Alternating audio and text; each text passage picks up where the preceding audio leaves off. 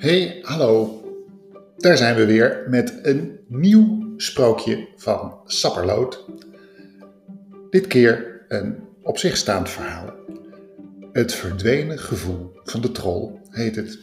Veel plezier.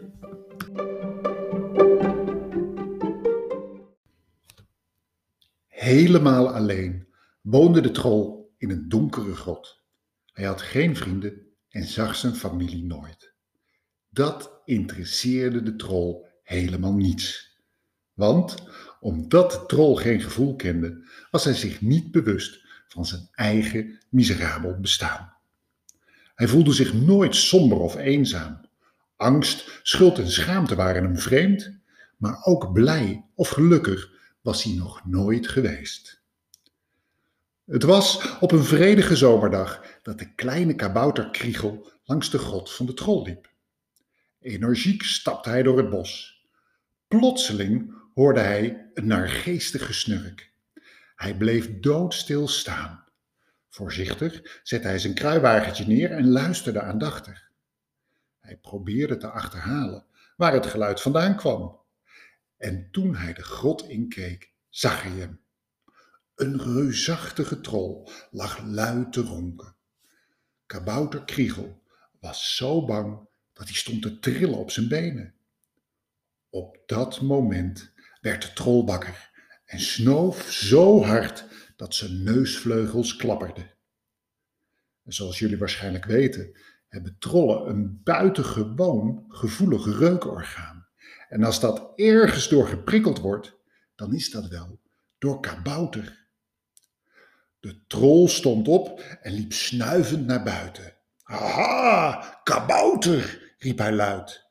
Machteloos stond kabouter Kriegel als aan de grond genageld. Hij kon zich niet bewegen. Hij had het beter op een lopen kunnen zetten, want met zijn knalrode puntmuts op kon zelfs de kippige trol hem niet over het hoofd zien. Met een krachtige zwaai greep hij de kabouter vast. Gelukkig kreeg Kriegel zijn spraakvermogen terug. Alsjeblieft, trol, zet me neer. Ik heb thuis een heel kaboutergezin dat ik moet onderhouden. En mijn arme moeder is ziek, die moet ik ook verzorgen. Dat interesseert me geen barst, zei de troll, terwijl hij zijn mond opende.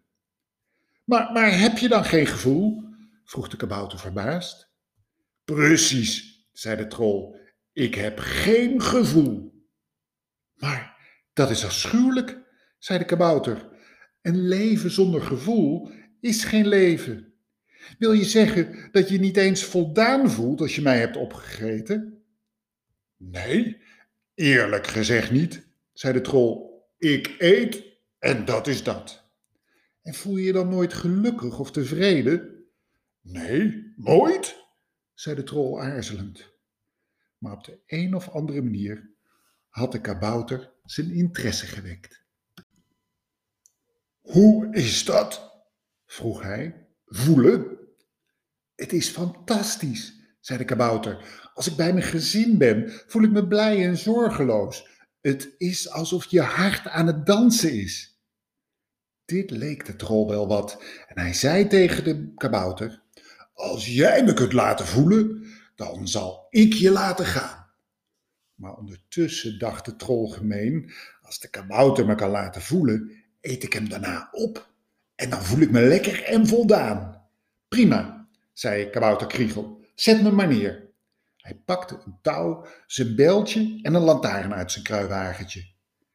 Nu moet je me boven op je hoofd zetten en heel stil blijven zitten, zei Kriegel. Precies op de kruin van de troll hakte Kriegel met zijn bijltje een ronde opening. De troll had geen pijn. Hij voelde immers niets. Met zijn lantaarntje scheen hij door het gat naar binnen. Hij had een prima zicht op de binnenkant van de schedel van de troll. Wauw, het leek wel een grote lege zaal. Alleen diep onder hem zag hij een vormeloze homp liggen. Dat moesten de hersenen van de troll zijn. Aan het touw liet hij zich naar beneden zakken en nu zag hij ook wat er mis was. Het stukje hersenen waar het gevoel van de troll zat, was volledig in de verdrukking geraakt door het enorme gebied waar zijn reukvermogen zat. Geen wonder, dacht Kriegel, en hij begon te hakken in een reukvermogen van de troll.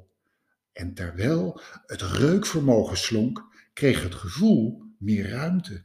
Au, au, riep de troll geïrriteerd. Kom er eens uit, stomme kabouter, je doet me pijn. Kriegel klauterde via het touw omhoog. Hij sloot het schedeldak van de troll en sprong via schouder en bovenbeen van de troll naar beneden. De troll stond hem verwachtingsvol aan te kijken, met zijn kleine gemene oogjes. Ik kan nu voelen, zei hij, en dan wil ik wel eens weten wat ik voel als ik je opeet, sprak hij zelf ingenomen over zijn eigen slimmigheid. Dat kun je inderdaad proberen, zei Kriegel. Wist je trouwens dat je zus die een grot verderop woont jou een domme lapswans vindt, omdat je niet op de begrafenis van je moeder was? De troll werd door deze opmerking overspoeld met gevoelens, maar niet de prettige gevoelens die hij voor ogen had gehad. Het leek wel of hij alle verloren gevoelens in één klap wilde inhalen. Hij werd boos, nee, woest. Hoe durfde zijn zus hem een stomme lapswans te noemen? Maar meteen daarna werd hij overspoeld door enorm verdriet, door schuld en schaamte vanwege zijn overleden moeder, waar hij nooit aandacht voor had gehad. Verward door alle gevoelens rende hij het bos in, in een poging voor zijn gevoel te vluchten. Maar wat de troll nog niet wist, maar wij wel, is dat je niet kunt vluchten voor je gevoelens. Je neemt ze altijd met je mee. Opgelucht keek Kabouter Kriegel de troll na. Hij legde zijn gereedschap in zijn kruiwagentje en vervolgde zijn weg en bedacht zich dat hij en de andere kabouters geen last meer zouden hebben van de troll, want met een volledig verwoest reukvermogen zou de troll hen nooit meer kunnen opsporen. Kriegel voelde zich niet schuldig. De troll had immers zelf om gevoel gevraagd. Alleen had Kriegel in het begin de nadruk gelegd op de prettige gevoelens. Hmm, dat zouden meer kabouters moeten doen, dacht Kriegel met een glimlach. De nadruk op de prettige gevoelens leggen. Zorgeloos stapte hij naar huis. Een vrij en gelukkig leven tegemoet.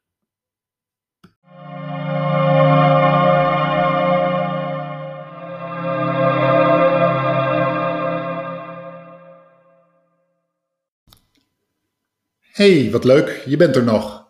Dat betekent dat je het sprookje van Sapperloot helemaal hebt afgeluisterd. Hoe zou het voor jou zijn? Zou je net als de troll het liefst helemaal geen gevoelens willen hebben? Of liever toch wel gevoel en dan de vervelende op de koop toenemen? Iets om over na te denken misschien. hey, en omdat je het sprookje helemaal hebt afgeluisterd, vermoed ik dat je het leuk vond om te luisteren. En misschien ken je wel anderen die het leuk vinden om een sprookje van Sapperloot te luisteren. Voel je vrij om het te delen. Dat is ook mijn idee achter het vertellen van deze verhaaltjes. Fijne dag nog.